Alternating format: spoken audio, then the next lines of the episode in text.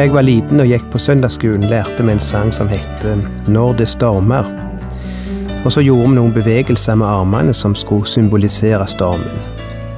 Det er det disiplene opplever i den fortellingen vi skal se på i dag, ifra Markus 4, fra vers 35.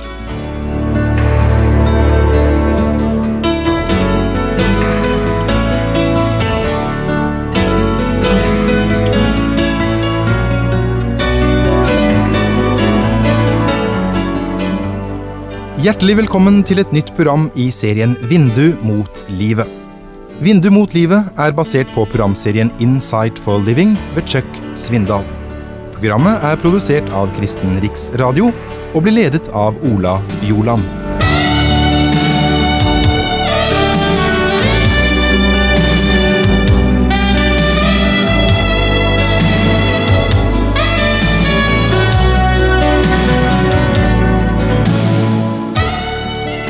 Samme dag da det led mot kveld, sa han til dem, La oss sette over til andre siden av sjøen. De lot folket bli igjen, og tok ham med seg i båten som han satt i. Også andre båter fulgte med.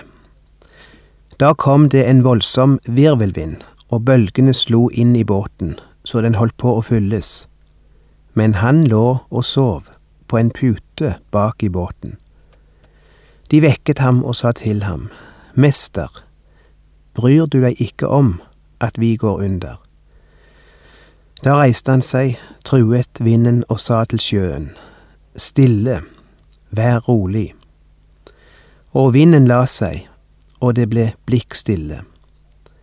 Da sa han til dem, Hvorfor er dere så redde? Har dere ennå ingen tro? Men de var grepet av stor frykt og sa til hverandre, Hvem er han?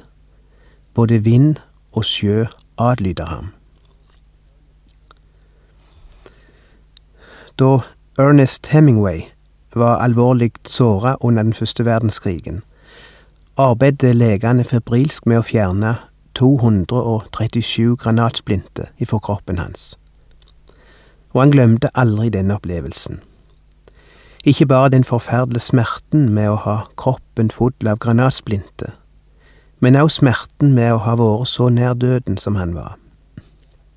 Ikke bare smerten, forresten, men det alvoret som kom over hans liv etter den opplevelsen. Han sa seinere at han trodde dette hadde lært han å leve på en ny måte, og at han trodde at grunnen til at så mange mennesker levde så ansvarsløse og meningsløse og tomme liv, var at de aldri hadde stått ansikt til ansikt med døden. Han skrev mye om dette seinere. Han hevda at hvis du tok en mann og plasserte han ansikt til ansikt med døden, eller lot han oppleve djup smerte i livet, så ville ikke en slik smerte knekke han. Tvert om ville det avsløre hva som bor inni et menneske.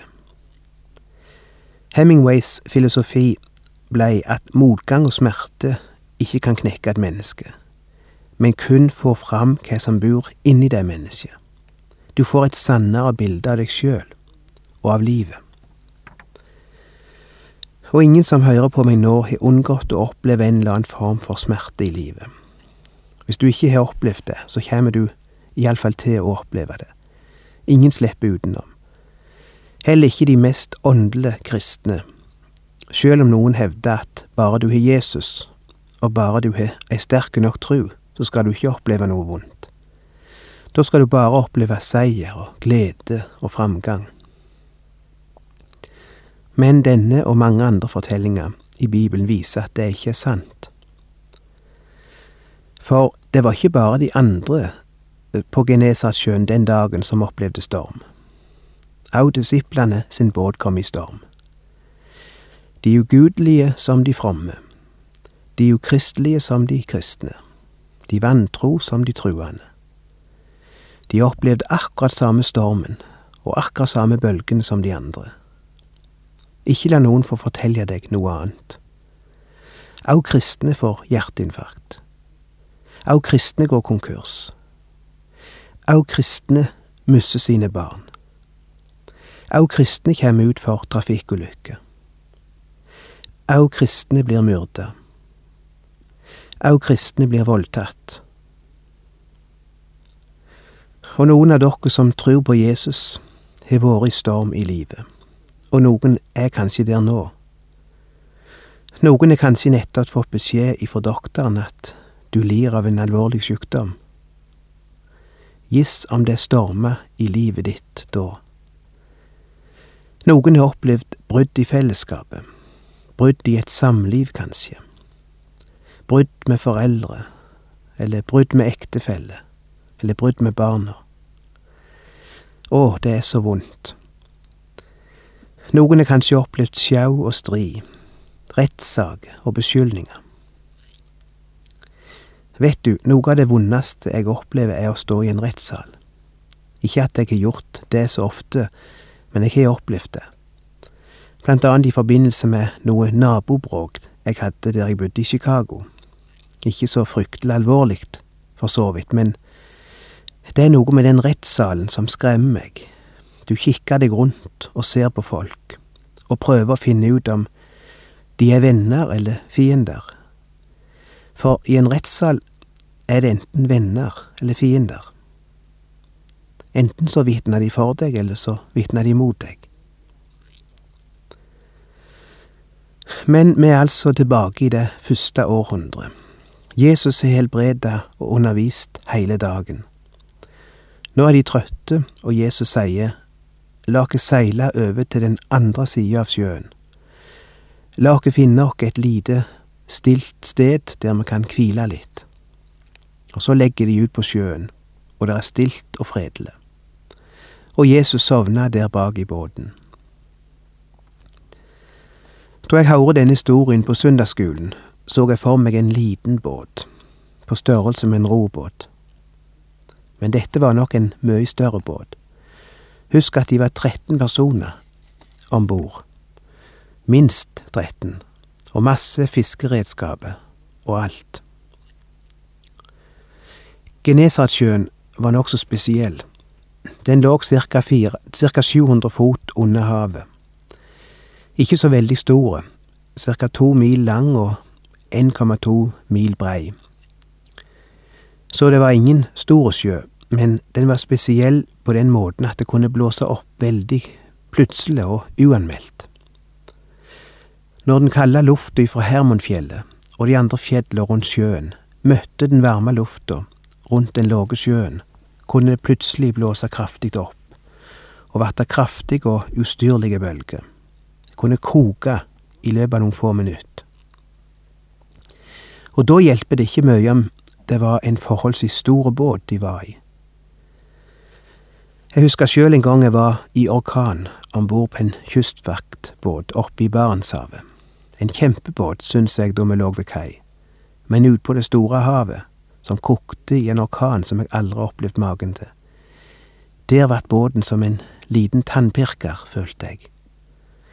Du vart så uendelig liten i kamp med naturkreftene. Og det er det de opplever denne dagen ute på sjøen. Båten begynner å ta inn vann. Og det er en farlig ting. For båter skal være i sjøen, men sjøen skal ikke være i båten. Og de får panikk, og på toppen av alt ligger mesteren sjøl bak i båten og sover. Og det var kanskje det verste for disiplene. Hvorfor ligger Jesus og sover? når vi holder på å gå under. Det var det de spurte han om. Bryr du deg ikke om at vi går under? Kjenner du det spørsmålet igjen? Tenk at det kan storme slik i en truende sitt liv, at en bokstavelig talt holder på å gå unna. Mange har opplevd det. Og her opplever disiplene det, og det verste av alt, Jesus ser ikke ut til å bry seg om deres nød. Han ligger og sover. Han gjør ingenting. Så vekker de Jesus. Han står opp og tørker søvn ut av øynene og rista seg vaken. Han ser panikken i øynene deres. Og det er mindre enn timer siden han hadde undervist de og demonstrert for de hvem han var, og fortalt de at de aldri skulle behøve å være redde, at han hadde makt over naturen, makt over sykdom, makt over døden. I time etter time hadde han undervist de og demonstrert for de at når de var i hans hender, var de trygge. Og de hadde trodd på det. Inntil de kommer i storm på Genesaretsjøen. Da er plutselig alt glemt. Da er dagens lekse allerede glemt. Det er derfor Jesus spør her. Hvorfor er det redde? Har jeg ikke nettopp snakket om dette? De trodde jo på det da. Hvorfor tror de ikke nå, når lærdommen skal prøves?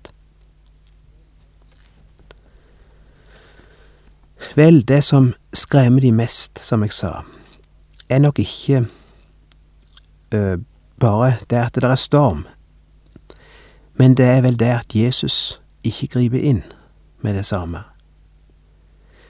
Og der har vi vært, både du og jeg. Vi kan nok tåle litt smerte, men vi tåler ikke når smerten blir langvarig, når Gud ikke griper inn fort. Har du opplevd det? Har du ikke undra deg av og til på hvorfor Gud ikke griper inn? Har ikke du ropt på Han, trygla, bedt, men det høres ut som Han ligger og sover? En eh, prest og predikant som levde på 1800-tallet, som het Phillips Brooks, fikk en dag besøk av en venn på kontoret sitt. Og den ellers så sindige og tålmodige presten var tydelig oppjaga og urolig den dagen. Han gikk fram og tilbake på gulvet, hvileløst fram og tilbake, klarte ikke sie stilt. Og vennen spurte han, Dr. Brooks, hva er det som er i veien? Og han svarte, Jeg har det travelt, men Gud har så gode tid. Det er det som er i veien. Kjenner du deg igjen? Er det ikke akkurat det som er problemet? Gud har så forargelig god tid. Gud har ikke bevart denne vidunderlige historien i si bok bare for at vi skulle lære noe om seiling i det første århundret. Han har latt den komme med hele tre ganger i si bok, både sjå Matteus og Markus og Lukas. Og det er for det vi skal lære av den. Lære noe om livet og om trua, og først og fremst lære noe om den Jesus vi tror på. Vi skal lære noe om at òg en truende kan komme i storm. Og vi skal lære noe om at det kan blåse opp til storm nokså plutselig. Det begynner ofte så stilt og fredelig, slik som det begynte da de la utpå, da de begynte reisa, og plutselig endte det med en forferdelig storm. Hvor mange ekteskap, for eksempel, er det ikke som har opplevd akkurat dette? Og vi skal lære noe om at når Gud er taus, så betyr ikke det at han er uvirksom, eller at han har mista kontrollen, eller at han ikke bryr seg. Hvor ofte har jeg ikke misforstått Gud her? Jeg trodde han ikke brydde seg fordi jeg ikke hører noe ifra han, fordi han ikke svarte umiddelbart på det jeg spurte han om, eller ba han om. Jeg glemmer det aldri hvordan jeg ba, men ingenting skjedde. Men jeg har lært seinere at Guds taushet er like planlagt som hans tale og som hans handling. Og jeg har lært at Gud taler ikke uten at han har noe å si. Og ofte har han ikke noe å si før jeg virkelig er klar til å lytte. Og ofte er jeg ikke klar til å lytte før jeg har ropt på han en stund, og ting virkelig begynner å rase sammen rundt meg. Geniet Albert Einstein var en gang gjesteforeleser på et berømt universitet i USA. Han skulle tale på en stor bankett der, en stor middag. Da tida var kommet i programmet da han skulle holde sin tale, reiste han seg og sa til et sjokkert publikum. Mine damer og herrer, jeg beklager dette veldig, men jeg har faktisk ikke noe å si. Og så setter han seg. Og det vart dørgende stilt i forsamlingen. Og etter noen sekunds stillhet reiste han seg igjen og gikk fram til mikrofonen og sa. Hvis jeg får noe å si senere, skal jeg komme tilbake og si det. Og så setter han seg igjen. Og banketten måtte avbrytes der, for de hadde ikke mer program. Resten av kvelden skulle ha vært Albert Einsteins tid, men han hadde ikke noe å si. Seks måneder seinere tok han kontakt med rektoren for skolen igjen, og sa Nå har jeg noe å si. Og det ble arrangert en ny bankett, og Einstein møtte opp og holdt et glimrende, uforglemmelig foredrag. Av og til har jeg hatt lyst til å gjøre det samme, men sjølsagt, jeg er ikke moden nok til å gjøre noe sånn. Men det er slik det er med Gud. Jeg har ingenting å si i dag. Når jeg har noe å si, skal jeg snakke. Og det kan gå veker, ja måneder, før han snakker. Men det betyr ikke at han ikke er i virksomhet. Han forbereder den talen han skal holde for deg. Og han forbereder deg for å ta imot og høre den talen.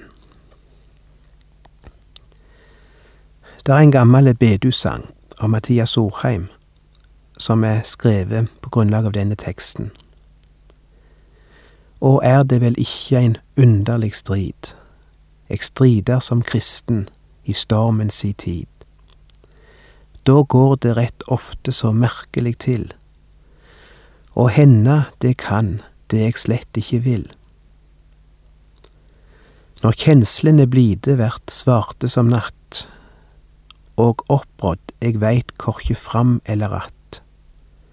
Det synes som vona og trua er slutt, og eg er så redd at eg heller ikkje ut. Når Jesus seg gøymer, og bøn er stengt, og harpa med klage på grein er hengt, når livet er bare et stormende hav, og båten så liten, hvor skal eg vel av?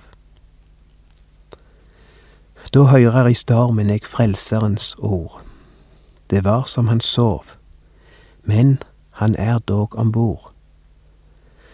Skal båten min søkja, må han følge med, men aldri skal Jesus og eg søkja ned. Og det er vel hovedpoenget i denne fortellingen. Jesus er om bord. Og det er forskjellen på denne båten og alle de andre båtene som òg kom i storm den dagen. Det var ingen forskjell på stormen, på smerten, men forskjellen var at i denne båten var Jesus om bord. Jesus var i stormen. Og da kunne ikke båten synke. I så fall måtte Jesus ha sunket med. Hvis bølgene skulle kaste seg inn i båten og sendt den til bunns, ville Guds sønn òg ha gått til bunns. Derfor, sjøl om smerten kan sjå ganske like ut og oppleves ganske like for en som tror og for en som ikke tror, så er det likevel en avgrunn av forskjell.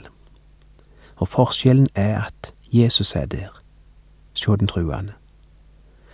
Han som kan stormen binde og bryte belgen blå. Han skal òg veien finne, den vei hvor du kan gå.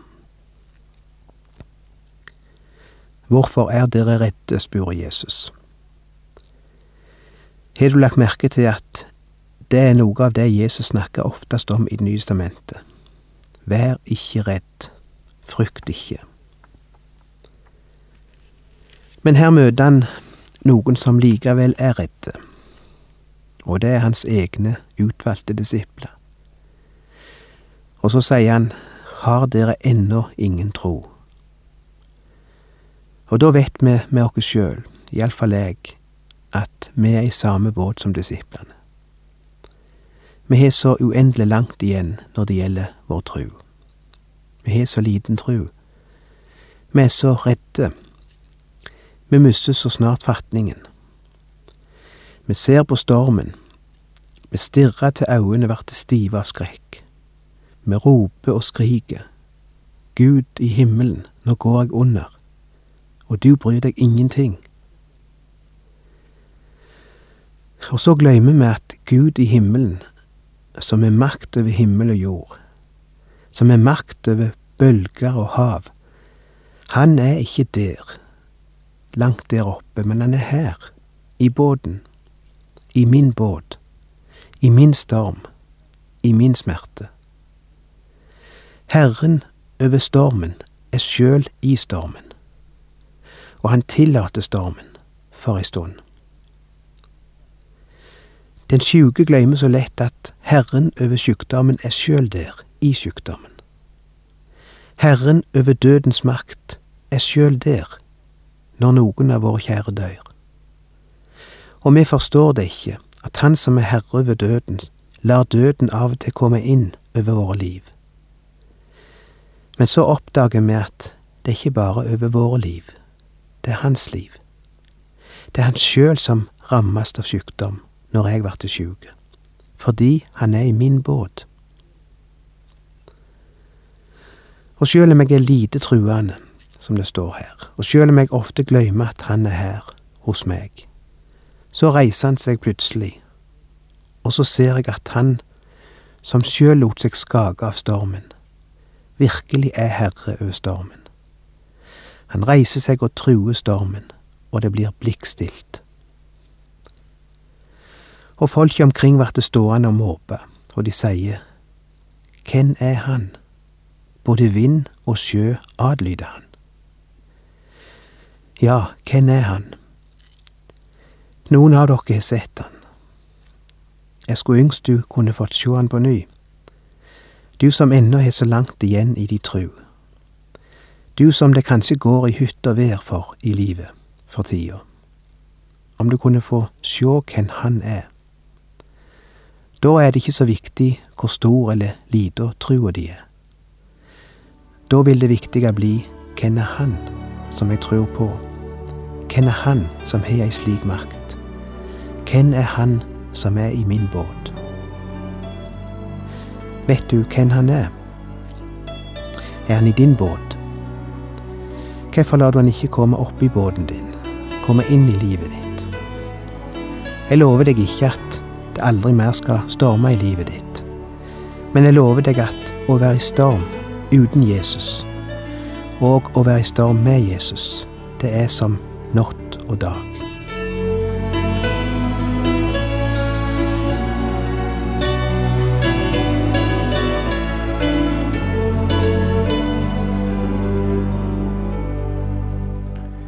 Du har lytta til Ola Bjoland i serien 'Vindu mot livet' fra Kristen Riksradios arkiv.